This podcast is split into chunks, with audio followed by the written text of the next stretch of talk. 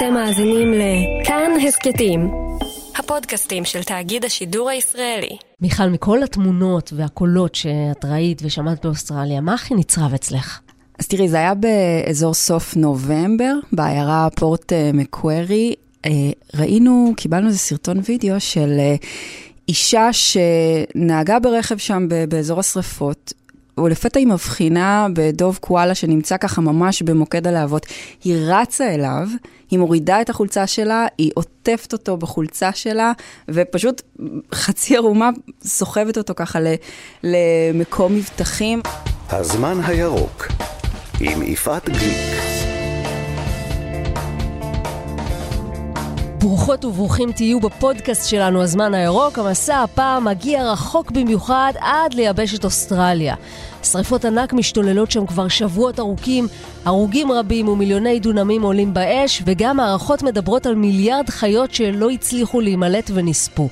בתחנה הראשונה אנחנו עם מיכל רשף, כתבת חדשות החוץ שלנו. ככתבי חוץ, אנחנו רגילים לראות אה, דרך מסוימת שבה אירועים מתגלגלים. בשריפות, באסונות, אנחנו רואים אנשים מחלצים את החפצים היקרים שלהם מהבית, לוקחים את הילדים, את בני המשפחה, ופתאום פה יש אה, כזו התגייסות גדולה להצלת דובי קואלה וקנגורים ובעלי חיים, ש, שבאמת ככה, אני לא, לא זוכרת שראינו דבר כזה באירועים קודמים, והיה בזה משהו נורא אנושי, משהו נורא נורא מרגש. אם רצינו עוד הוכחה לעיסוק של העולם בעצים ש... נשרפים באוסטרליה, אז בא גלובוס הזהב.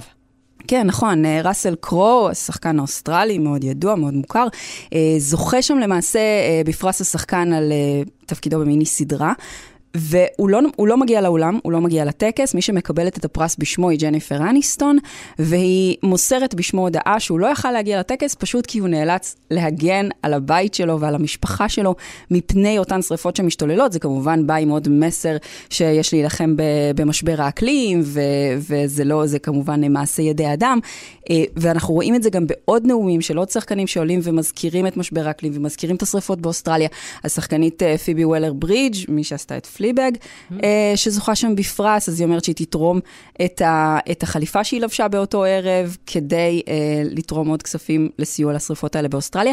אנחנו רואים התגייסות של המון המון סלבריטאים ב, ברשתות חברתיות, שמדברים על זה, שתורמים מכספם, שתורמים אה, מההשפעה שלהם, נקרא לזה ככה, למען המטרה הספציפית הזאת. מתי, כשאנחנו מדברים על, מדברות על השריפות באוסטרליה, מתי זה בעצם התחיל? הכל. אז תראי, אה, עונת השריפות הרשמית, נקרא לזה ככה, זה קורה כל שנה, כן? צריך לומר. עונת השריפות הרשמית באוסטרליה מתחילה באזור חודש יולי. הם מתחילים להיות ככה בכוננות, אבל השריפות האלה מתחילות, השריפות היותר רציניות, מתחילות באזור ספטמבר. אנחנו מתחילים לשמוע עליהן יותר ויותר רק לפני ככה כמה שבועות, כשבאמת אנחנו רואים יותר ויותר אנשים נהרגים שם, בעניין של כמה עשרות, הם לא מצליחים להשתלט על הלהבות, אבל שוב, צריך לומר שזה באמת קורה כל שנה. בקנה מידה כזה או אחר, השנה זה היה קצת יותר גדול. כן, זהו, למה הפעם נדלק העולם פתאום? באמת מדובר בעונת שריפות קשה הרבה יותר משנים קודמות, ויש פה איזה שילוב של כמה גורמים, גם בצורת מאוד קשה שאוסטרליה נמצאת בה כבר כמה שנים, גם גל חום מאוד קשה שהיה בדצמבר, גם רוחות יבשות, שככה כולם ביחד, ההשתלבות של כל האירועים האלה, מביא לגל שריפות שבאמת מאוד מאוד קשה להשתלט עליו מבחינת כוחות הכיבוי.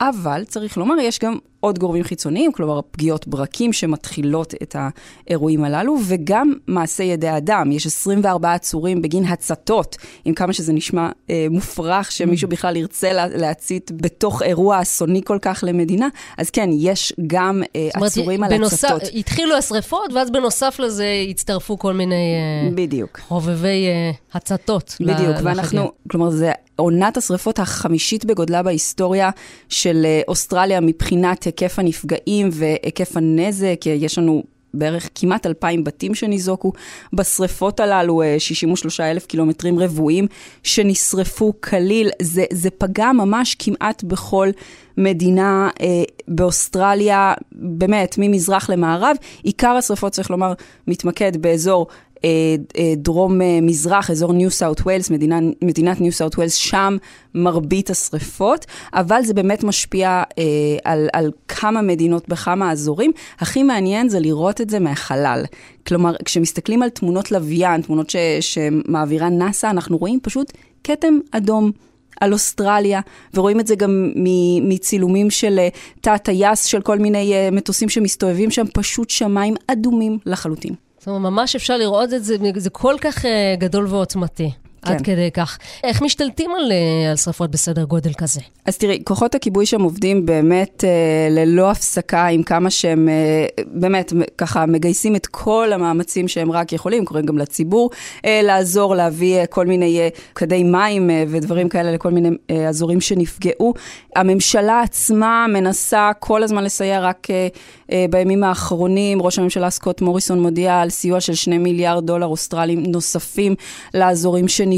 הוא מקים רשות מיוחדת אה, לסיוע ב... בהתמודדות עם נזקי השרפה, וגם יש לא מעט סיוע ממדינות אחרות ששולחות כבאים, ששולחות ציוד, ארצות הברית, ניו זילנד, קנדה, מי שיכול, שולח ומציע עזרה. אנחנו רואים באמת התגייסות של לא מעט מדינות לדבר הזה. עכשיו, כשאת אומרת שהוא מקים רשות מיוחדת להתמודדות וכולי, עכשיו הוא נזכר? תראי, יש הרבה מאוד ביקורת על סקוט מוריסון אה, בעניין הזה. אה, ראש ממשלה שאפשר אפילו לומר אה, מתנגד אקלים באיזשהו, באיזשהו מובן. אה, עיקר הביקורת היא שבאמת הממשלה כל פעם הדפה עוד ועוד יוזמות להתמודדות עם משבר האקלים, לא עשתה מספיק צעדים כדי להיערך לזה מראש, אה, גם מבחינת כוח אדם. הוא מגיע אנחנו רואים את זה, הוא מגיע אה, לכל מיני עיירות קטנות ונפגש עם תושבים. תושבים מסרבים ללחוץ לו את היד, מקללים אותו, צועקים עליו שילך, צועקים עליו. ממש כועסים עליו. איך, ממש כועסים עליו, כן, יש ממש כעס אמיתי. הוא מגיע למקומות, זה, זה ממש אה, יחצנית, זה נראה מאוד מאוד רע. אה, היה אפילו איזשהו סרטון שהוא מגיע ו, ואישה מסרבת ללחוץ לו את היד, אז הוא ממש לוקח את היד שלה ולוחץ לה אותה, כלומר, פשוט אבסורד. אמ, אז כן, הוא סופג המון המון ביקורת על, על חוסר היכולת שלו באמת לצפות את המשבר הזה, ו, ואולי עכשיו תהיה שם איזושהי שינוי מדיניות, זה רק יכולים לקוות. כשיואש דביר נחת באוסטרליה, הוא חשב שזאת בועה שקטה של חופש. הוא התמקם בסידני, הקים את החומוסייה הישראלית הראשונה שם, והתגורר בשמחה עם אשתו ושלוש בנותיו. אבל אז התחילו השרפות, ועכשיו הוא מספר, בכל פינה רואים תושבים מסתובבים עם מסכה על הפנים. פשוט אי אפשר לנשום. מה שלומך? מצוין. מה השעה עכשיו? 11 אמ, ושלוש דקות בלילה. מה רואים בשמיים? רואים ירח מכוסה במה שאפשר לחשוב שזה עננים, אבל זה לא עננים, זה עשן. אתמול ירד גשם, אז הייתה תחושה של הקלה. וכל הרשתות החברתיות אה, שמחו ואלצו ושמחו לבוא הגשם. בבוקר התעוררנו והיו עננים, אז חשבנו ששוב אה, הולך לרדת גשם, אבל פתחנו את החלון וגילינו שזה עשן. והעיר כולה כוסתה בעשן שוב, עם ראות מאוד נמוכה. סידני זה אזור, זה כמו גוש דן בעצם, mm-hmm. ובתוך סידני יש הרבה עיירות קטנות, אה, ואני גר בעיירה שנקראת בונדאי, mm-hmm. שזה החוף, אחד החופים המפורסמים בעולם, רק שלא רואים יותר את החוף. כי הוא מכוסה בעשן. אה, מצד אחד של החוף, שהוא קילומטר וחצי אורך, לצד השני לא רואים. ואם הולכים על החוף, אז uh, יש חתיכות פיח ועלים שרופים שנסחפים אל החוף.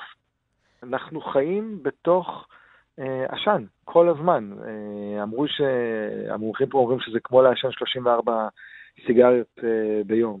אנשים מסתובבים ברחוב עם מסכות. אתה יושב במסעדה ונופל עליך שרוף של אקליפטוס. אנחנו חיים בתוך העשן. כל הזמן, עם הפוגה של כמה ימים פה ושם. מה, מה התחושה? אה, זה די אפוקליפטי האמת. אתה נוסע בשש בערב ורואה את השמש אדומה או כתומה ומכוסה בעננים, וזה נראה כמו Judgment Day או Matrix. זה לא תחושה טובה. אתה גם נושם, אתה מפחד להסתובב ברחוב, אנשים עושים פחות פעילות גופנית, אה, זה, זה לא נעים. תחשבי את איך אה, מרגישים בארץ אחרי ל"ג בעומר, בבוקר אחרי. כן, שיש אה, כל מיני שאריות. בדיוק, אז ככה פי עשר. אתה חי בהכחשה, בוא, בוא נודה על האמת. כאילו, אתה רואה את העשן, אתה רואה שקשה לנסוע לפעמים, אתה רואה שאתה נוסע על ההיי-ווי ואתה לא רואה את הגשר המפורסם של אה, סידני, אבל אתה ממשיך לחיות כאילו כרגיל. אני כרגע יושב על המרפסת, למרות שתכלס אני צריך להיות בתוך הבית, וכל ההמלצות אומרות, תישארו בבית, תסגרו חלונות ותפעילו מזגן. אתה מרגיש שזה משפיע על הבריאות? כן, העיניים שורפות, משתעלים קצת, מרגישים. ו... הגרון שורף לילדים. עד כמה מתעסקים בזה שם? יש זעם הולך וגובר על הממשלה. אני לא כל כך רואה חדשות מקומיות, אבל uh, כשכן רואים, וכשהמבזקים בין התוכניות הרגילות, אז כולם מדברים על השריפות ועל כמה זה חמור, ועל זה שגוי, שלראשונה בתולדות אוסטרליה גויסו חיילי מילואים. יש פה התגייסות המונית של האזרחים לטובת הכבאים ולטובת שירותי ההצלה. מתי הצפי לסיום של הדלקה הזאת בשמיים? אז זה החלק העצוב. בדרך כלל השרפות מתחילות אחרי חג המולד. זאת אומרת, העונה החמה היא בדרך כלל בין ינואר למרץ. זאת אומרת שהגרוע כנראה עוד, עוד לפנינו. אלא אם כן ישתנה פה מזג האוויר ויתחילו גשמים מטורפים, אבל בדרך כלל אנחנו רואים את השרפות האלה עכשיו, זאת אומרת רק עכשיו הן היו אמורות להתחיל, ואנחנו כבר אחרי חודשים של בעירה. אז הצפי הוא לעוד כמה חודשים. התושבים שם, התושבים שם, יש כאלה ששוקלים לעזוב, או כבר עזבו, לקחו את המיטלטלים שלהם והמשיכו הלאה? יש אנשים שהבתים שלהם נפגעו והיו צריכים לעזוב. יש uh, עיירות שלמות שפונו, uh, יש uh, עיירות שלמות שנסגרו והתיירים פונו גם כן. אנחנו עוד באזור הטוב, זאת אומרת, קנברה, הבירה, לא ראו את אור השמש כבר חודשים. התמונות שמגיעות משם, ואפשר לראות בפייסבוק, הן ממש קשות. מה, מה רואים? תאר לי. אה, אנשים מפונים אה, מהפרלמנט עם מסכות. שמש אפוקוליפטית צהובה כזאת בדרך לים. אה, אנשים בורחים לכיוון הים בשביל קצת הפוגה, אבל גם שם מגלים שהכל מכוסה עשן ואפר. אם יש משהו שבאמת הדליק את הרשתות החברתיות, אלה התמונות של הקואלות. תמונות מתוקות להפליא של אוהבי חיות שמנסים להציל אותן מאחיזת האש. קואלות וקנגרואים. אור אליאסון, דוקטורנט במכון ויצמן, חוקר את השריפות ועוקב אחרי ניסיונות ההצלה.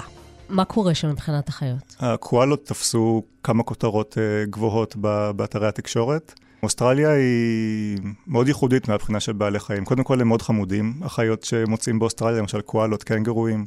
אה, יש חיבור רגשי מאוד קרוב אליהם, אה, מאוד חזק בין בני אדם לאותם חיות, חד צדדי כמובן. הקואלות זה מין בסכנת הכחדה, שהוא גדל על ביערות אקליפטוסים במזרח אוסטרליה. השטחים שעולים באש היום זה בדיוק בית הגידול של אותה, אותה חיה. והיא, כשיש שריפות, היא נוהגת לטפס גבוה לצמרת, כי בדרך כלל השרפות הן נמוכות, הן מלחכות את העשב למטה, ולהיות גבוה בצמרת מגן עליהן. אה, זה לא המקרה היום, הקואלות עולות באש יחד עם העצים, ויש כל מיני שיח על זה שזה אולי תיכחד בעקבות השרפות האלה. אני אישית חושב שלא כל שטח המחיה של הקואלות אה, עלה באש. נכון שהאוכלוסייה שלה ספגה עבודות, עבודות כבדות. אחד האקולוגים באוסטרליה ביצע איזשהו חישוב אה, החודש. ניסה לחשב כמה בעלי חיים מתו בשרפות רק מחודש אוגוסט. שהוא לוקח בחשבון רק זוחלים, עופות ויונקים. הוא בהערכות הזהירות שלו, זאת אומרת, ההערכה הנמוכה שלו אומרת שמתו כחצי מיליארד בעלי חיים, עופות, זוחלים ויונקים. זה כואב, כואב הלב, אבל מוקדם לומר אם באמת הולכים להיכחד מינים של יצורים חיים. מה עם הקנגורים? הקנגורים רצים מהר, ויש המון מהם, זה די מכה באוסטרליה, הם סוג של אה, פסט, פיצוץ אוכלוסין. אה, אז גם הסק... הסכנה שהם ייכחדו היא, היא לא קיימת באמת. המינים של הקנגורים שחיים שם במזרח אוסטרליה. והם ממש מצליחים להימלט מפני השרפה בגלל היכולת שלהם לרוץ. כן, הם רצים מאוד מהר, מנטרים אה, מאוד מהר. אה, ראיתי באינטרנט סרטונים של אה, נהרות של קנגורים אה, בורחים מיערות אה, שעולים באש. אה, האש מתקדמת במהירות של 10 אה, קמ"ש, אה, 10 קמ"ש, והקנגורים יותר מהירים מזה. כל עוד הם לא, הם לא נתפסים בתוך איזה שטח השמדה של אש מכל הכיוונים, אז סביר להניח שרובם uh, יצליחו להימלט. השאלה אם יהיה להם לאן להימלט, אם עכשיו כל האלפי או עשרות אלפי הקנגורים האלה מתרכזים בשטחים קטנים עכשיו, אם אחרי שהשרפות ייגמרו, אם יהיה להם לאן לחזור, אם השטח יוכל לתחזק אוכלוסייה צפופה כל כך של uh, קנגורים. זו שאלה שמעניינת. תראו, שרפות הענק הן לא אירוע מקומי, כזה שחולף. מדענים מצביעים על זה שהן הולכות ומתגברות ביחס ישר להמשך ההתחממות הגלובלית. בואו ננסה להתעכב על הנקודה הזאת. אותי מעניין לדעת מה הקשר בין שריפות באוסטרליה לבין ההתחממות הגלובלית. שרפות באוסטרליה היו תמיד, זה חלק בלתי נפרד מהאקולוגיה של המקום, גם בתרבות של האוסטרלים, אבל גם בחיים עצמם, של ה... בחיים הטבעיים עצמם.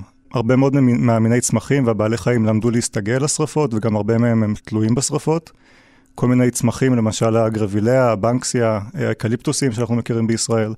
הרבה מהמינים האלה לא מסוגלים אה, להעמיד צאצאים, אלא אם הם נשרפים. הם לא חייבים להישרף עד אה, לגמרי למות, אבל ככה הם מפיצים את הזרעים שלהם.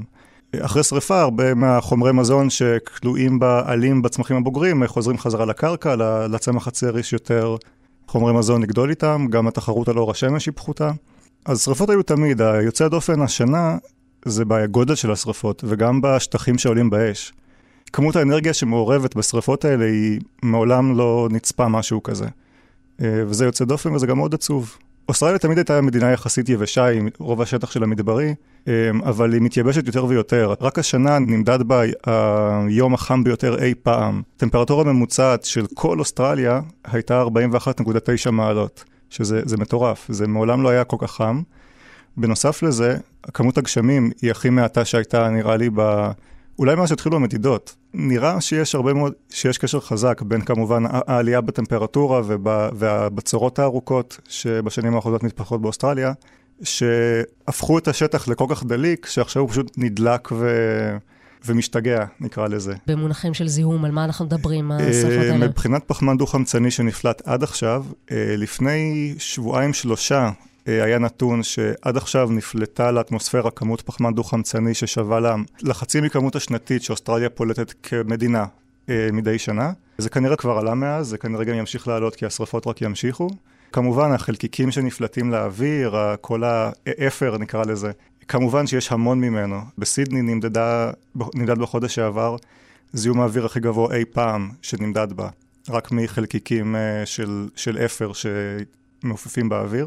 אני מעריך, אה, ייקח איזה מאה שנה, עד שנחזור לראות את היערות היפים שהיו שם לפני השרפה. הזמן הירוק, עם יפעת גליק. זהו, המסע שלנו לאוסטרליה מסתיים עכשיו. תודה גדולה לכל החברים שעושים את הזמן הירוק בגרסת הפודקאסט. קרן בר, תומר ברנד, מירב קדוש, אופיר ברק ויותם רוזנבלד. את המוסף הטלוויזיוני, הזמן הירוק, אפשר למצוא בכל יום שני בחדשות הערב עם דוריה למפל. להתראות!